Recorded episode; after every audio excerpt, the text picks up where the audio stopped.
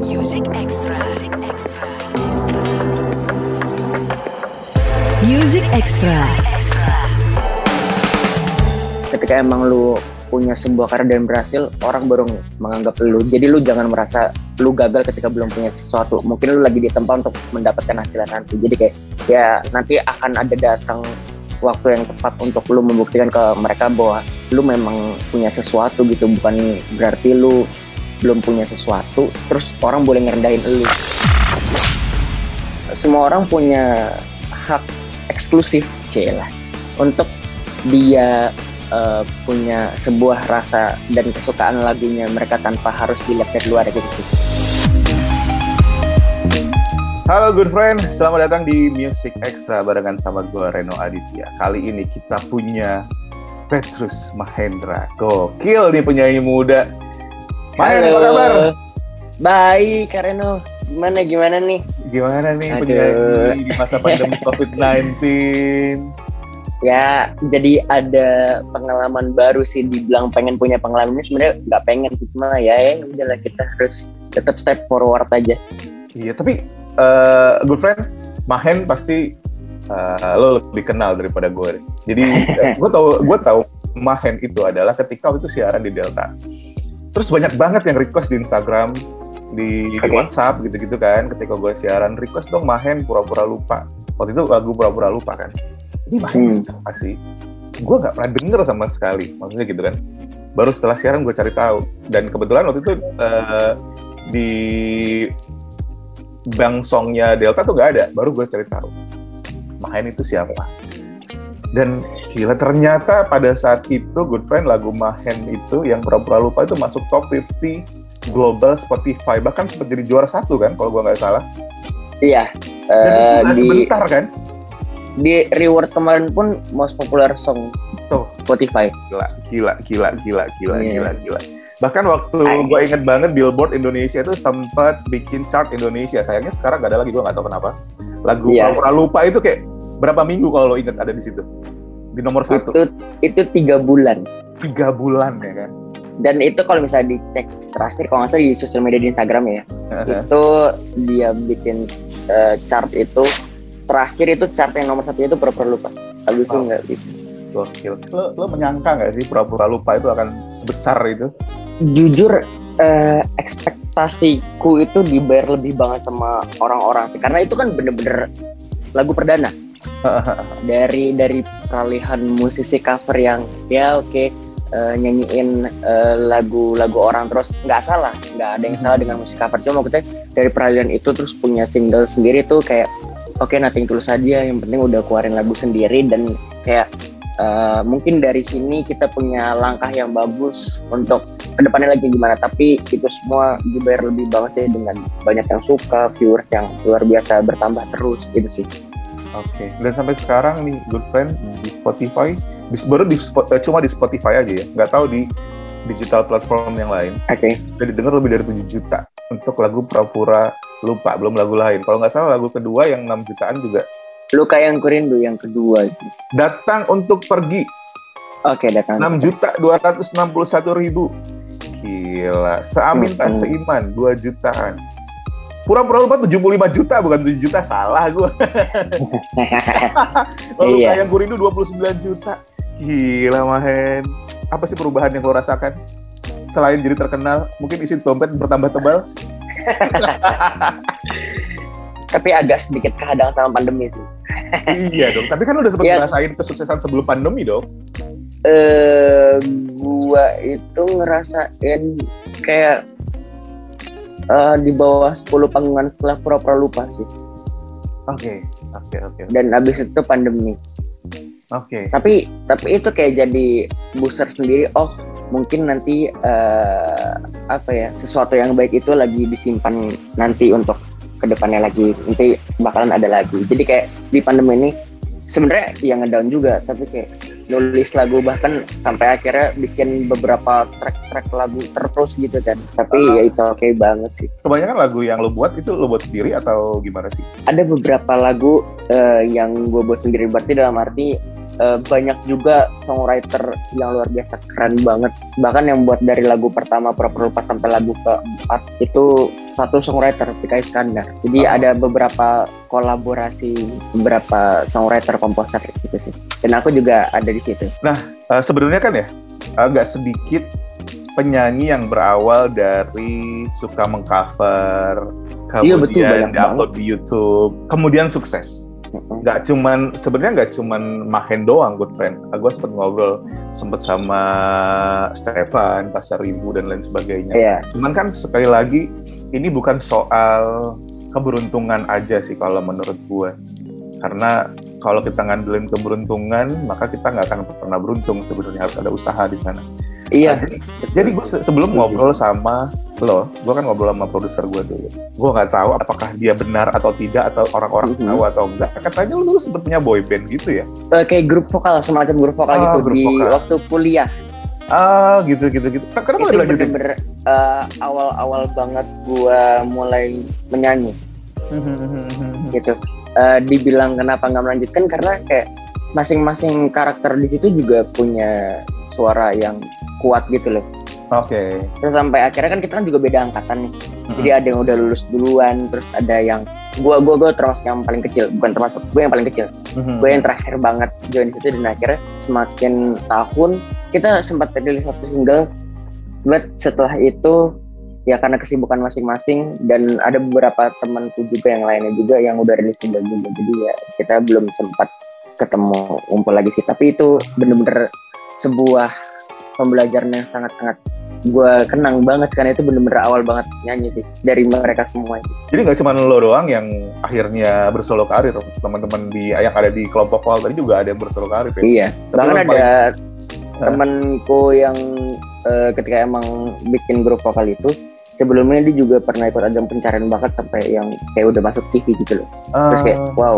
Terus gue yang terakhir kali masuk kayak serius dikasih kesempatan buat nah. belajar bareng gitu istilahnya kayak oke. Okay. Tapi sekarang yang paling sukses siapa?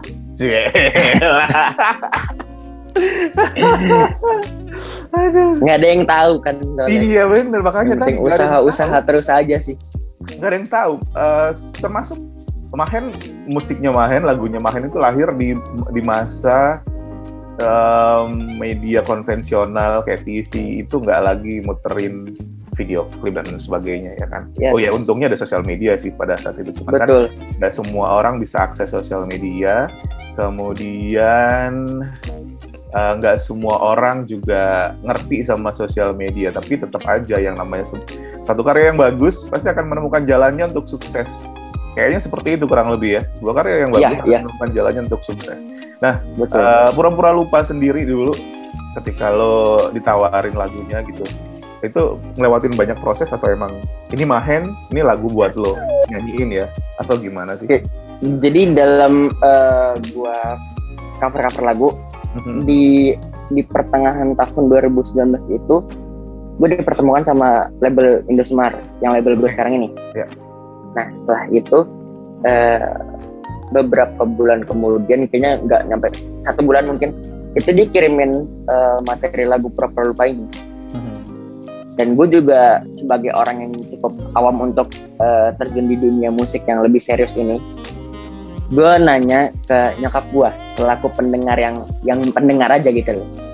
Yang nanya, ini nih uh, kan udah join label, mm-hmm. mereka uh, nawarin lagu ini, judulnya proper lupa gini-gini terus didengar-dengar lagunya enak sih sebenarnya gue juga udah bilang enak kak tapi kalau misalkan dari kuping gue doang kayaknya kurang relevan karena lagu kan mengandung banyak arti dan kayak orang-orang berhak untuk yeah. Ya. uh, menilai itu dengan persepsi mereka masing-masing ya gue nanya ke keluarga gue juga gue nanya ke temen gue gue dengerin sedikit sedikit gue nyanyiin gitu terus mereka bilang kayaknya lagu cocok deh buat lo maksudnya kayak ada uh, elemen-elemen kayak galau-galaunya gitu tapi nggak galau-galau banget maksudnya terus kayak balik lagi back to 2010-an lagu-lagunya yang kayak santai tapi cinta-cintaan gitu ya. Terus gue merasa kayak ini lagunya cocok deh.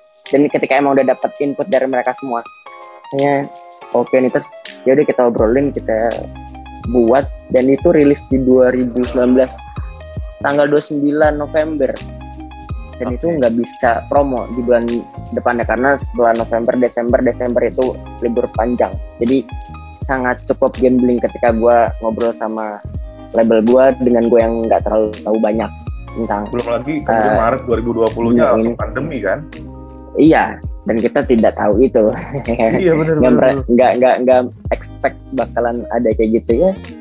Akhirnya ada tapi fun fact-nya adalah lagu para pelupa itu sebenarnya lagu yang sudah uh, 2016 17 mungkin atau uh, lebih dari itu. Dan itu udah pernah ditawarin sama beberapa penyanyi oh gitu. lain gitu dan mungkin jodohnya di Petrus Mahendra di Mahen yeah. gitu ya Bener bener bener bener bener. Sama kayak uh, kalau lo masih inget Good Friends lagu Umbrella yang dibawain sama Rihanna, itu dulu ditawarin untuk dinyanyiin sama Britney Spears.